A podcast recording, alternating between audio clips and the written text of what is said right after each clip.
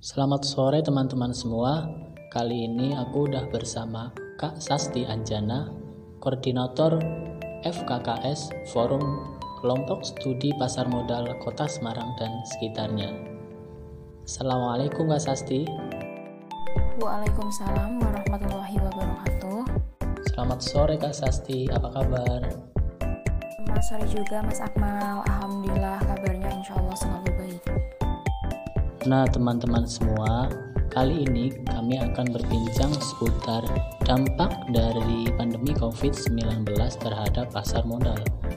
Nah sebelum itu, boleh dong Kak Sasti memberikan edukasi seputar apa sih definisi dari pasar modal serta apa saja instrumen yang bisa diinvestasikan di pasar modal. Begitu Kak Sasti.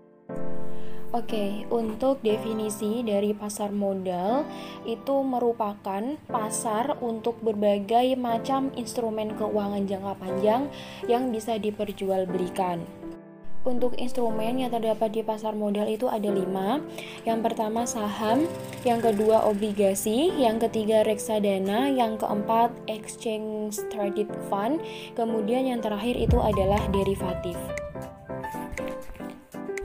Namun pada kesempatan kali ini saya akan membahas tiga dari lima instrumen tersebut yang sudah familiar mungkin didengar oleh teman-teman yaitu lebih fokus ke saham, obligasi, dan reksadana.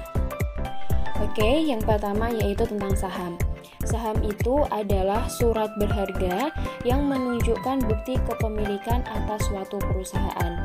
Jadi, apabila saya membeli saham dari Unilever, berarti bisa dikatakan saya juga sebagai salah satu pemilik dari perusahaan Unilever tersebut. Kemudian ada beberapa istilah yang sering kita dengar di dalam persahaman. Yang pertama ada dividen. Yang pertama ada dividen.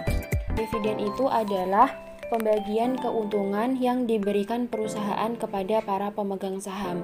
Jadi dividen ini adalah kita dikasih uang atau kita dikasih keuntungan secara cuma-cuma dari perusahaan yang kita uh, investasi saham di sana. Contohnya, saya investasi di Sido Muncul. Di Sido Muncul setiap di bulan 10 semisal itu mengeluarkan dividen berarti saya nanti akan mendapatkan keuntungan atau uang dari perusahaan Sido Muncul tersebut. Kemudian yang kedua itu adalah capital gain. Capital gain yaitu selisih antara harga beli dan harga jual. Kemudian yang kedua yaitu e, obligasi. Sederhananya, obligasi itu disebut sebagai surat utang. Surat utangnya siapa sih? Yaitu surat utang suatu perusahaan atau negara. Utangnya ke masyarakat yang bertransaksi melalui pasar modal. Kemudian ketika kita memberikan hutang kepada pemerintah atau kepada perusahaan tersebut apa sih yang kita dapat? Nah, nanti yang didapat oleh para investor itu adalah bunga. Sistem bunganya yaitu seperti contohnya ketika kita mendapatkan bunga di perbankan. Untuk istilah bunga sendiri di dalam obligasi biasanya kita sebut sebagai kupon. Untuk jenis obligasi ditinjau dari kuponnya itu sendiri ada tiga. Yang pertama zero coupon bond, yang kedua fixed coupon bond, sedangkan yang ketiga yaitu floating coupon bond. Untuk yang ketiga yaitu tentang reksadana. Sederhananya, reksadana itu adalah pembelian produk-produk keuangan secara tidak langsung melalui jasa manajer investasi kita titip ke mereka, kemudian sama manajer investasi tersebut akan dibelikan produk-produk keuangan yang menurut mereka tepat guna. Kalau di reksadana itu kita lebih memberikan uang kita untuk dikelola manajer investasi dan kita menyerahkan uang kita untuk dikelola oleh manajer investasi tersebut. Biasanya manajer investasi ini uh, menginvestasikan uang kita bisa ke obligasi ataupun juga bisa ke saham. Kemudian untuk jenis-jenis reksadana itu ada empat. Yang pertama reksadana pasar uang Uh, yang kedua reksadana pendapatan tetap, ada reksadana saham dan terakhir itu ada reksadana campuran. Nah, itu tadi ya teman-teman seputar apa itu pasar modal serta instrumen apa saja yang bisa diinvestasikan. Nah, selanjutnya ini Kak. Kira-kira apa aja sih dampak dari pandemi COVID-19 yang hingga kini masih berlangsung terhadap dunia pasar modal, khususnya bursa saham?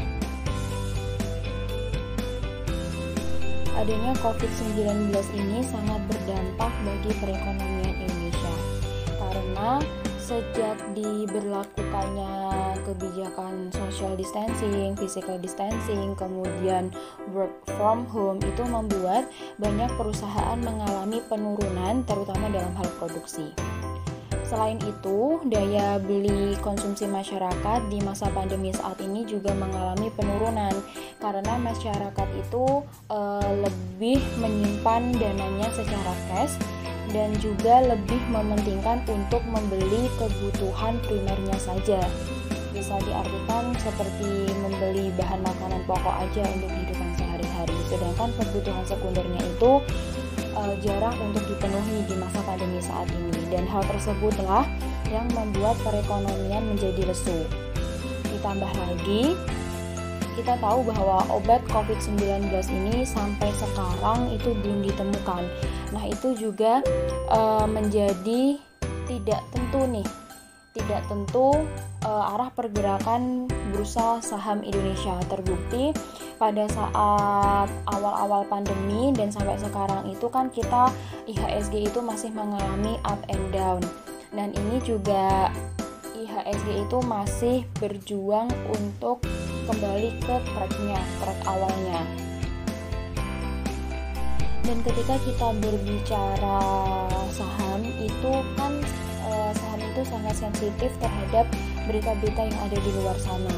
Seperti seperti contohnya uh, kemarin itu kan IHSG udah turun kemudian ditambah lagi ada berita dari Presiden Donald Trump dan istrinya yang positif uh, COVID-19 ini juga yang menyebabkan IHSG kemarin Indonesia itu juga uh, kembali mengalami penurunan.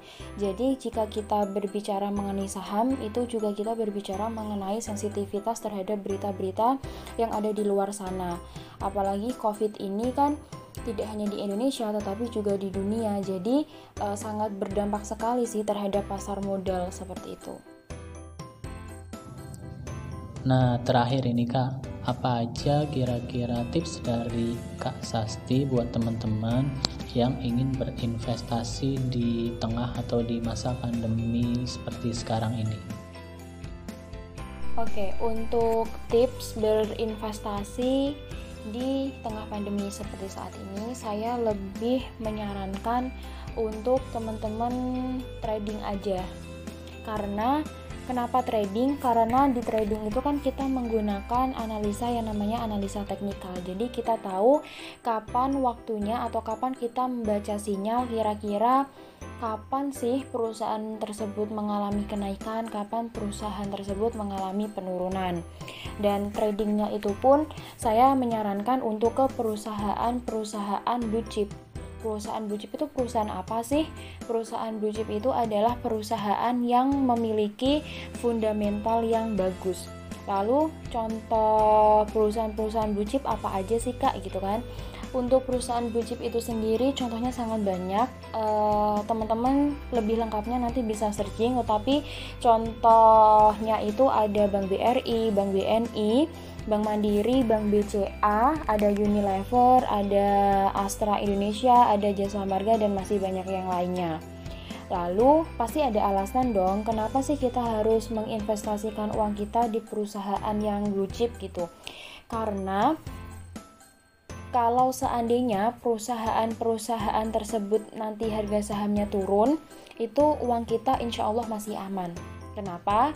Karena perusahaan-perusahaan blue chip itu adalah perusahaan yang besar, yang kuat, yang kokoh dan tidak mudah terbanting ke bawah sebenarnya.